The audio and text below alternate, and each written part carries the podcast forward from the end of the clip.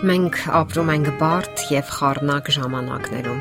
Մարդիկ թեթևորեն վիրավորում են միմյանց, վշտացնում են առանց խնայելու։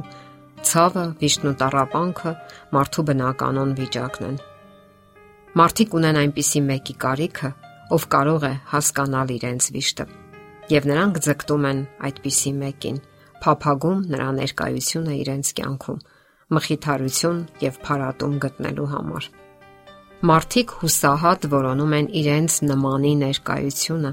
փնտրում այնպիսի մեկի ինտերակցիոնը, ով ի վիճակի է հասկանալու իրենց ցավերը, կարեկցելու եւ մխիթարելու։ Մարդկային ինտերակցիոնը գովելի է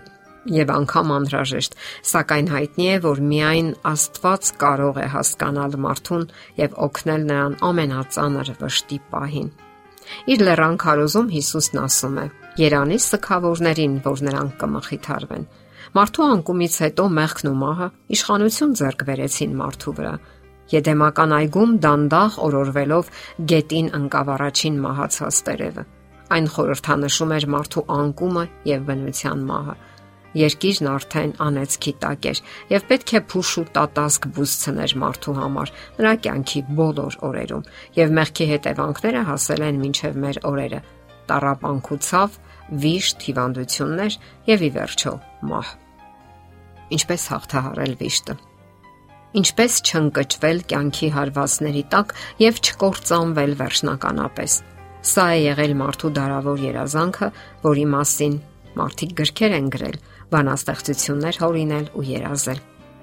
Եվ սակայն այդ ամեն ջանքերը արդյունք չեն տվել այնքան ժամանակ, քանի դեռ մարդը Աստծոց հեռու է փնտրել իր բոլոր հարցերի պատասխանները։ Իսկ դարերի պատմությունը մեզ է հասցնում մարդու պայքարի հերավոր արձագանքները։ Այդ պատմությունը հոգևոր պատմություն է, որ գրառված է Աստծո խոսքում։ Այդ տարեգրությունն է, որ հույս եւ մխիթարություն է ապարգևում։ Աստվածաշնչյան տարեգրությունը սեղմ վկայում է, թե ինչպես Կայենը սپانեց Հաբելին։ Զավակի եղերական մահվան առաջին ականատեսը Եվան էր։ Նա, ով զրուցել էր Աստծո հետ, ով տեսել էր կատարյալ դրախտը առանց մեղքի հետևանքների։ Ադամի հետ անխռովություն եւ անդորություն էր վայելել կուսական բնության եթերային շշունջների տակ։ Իսկ այժմ նա կանգնած էր զոհված զավակի անկենթան մարմնի առաջ։ Աստվածաշունչը խորթավոր լռություն է պահպանում այն մասին, թե ինչպես դիմացավ այդ հարվածին առաջին ворթե կորույս մայրը։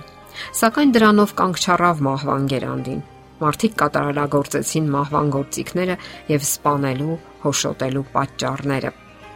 Կայենի սپانության գործիքը քարն էր կամ փայտը, որոնք այսօր մանկական խաղալիքներ են զանգվածային սպանության ժամանակակից զենքերի հետ համեմատած։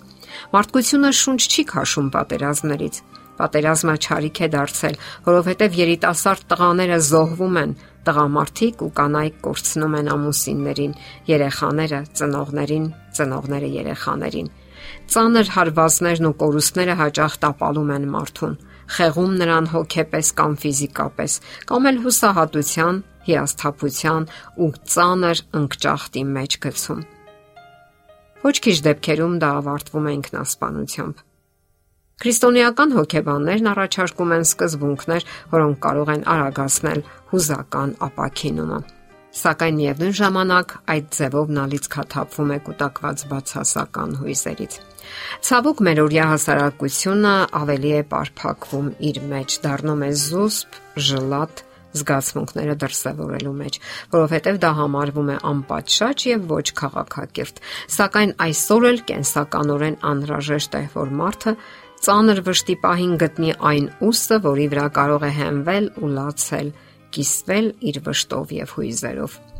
Նման իրավիճակներից ազատ ագրվելու ելքը Աստվածային զորությունն է։ Անհրաժեշտ է հստակ ընդունել իրականությունը եւ դիմել Աստծուն։ Աստված միշտ չէ որ միջամտում է իրադարձությունների բնական ընթացքին, ճարիքը կանխելու համար։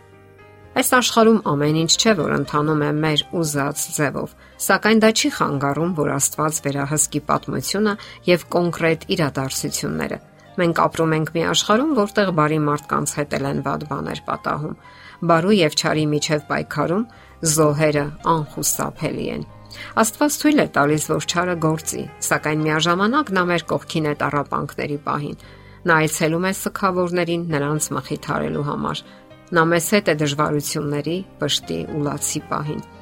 Նա մեզ քաջալերում է, ուժ է տալիս եւ սատարում։ Աստված հույս է տալիս սրտով կոտրվածներին, ուժ է տալիս տկարներին եւ թուլասիրտներին։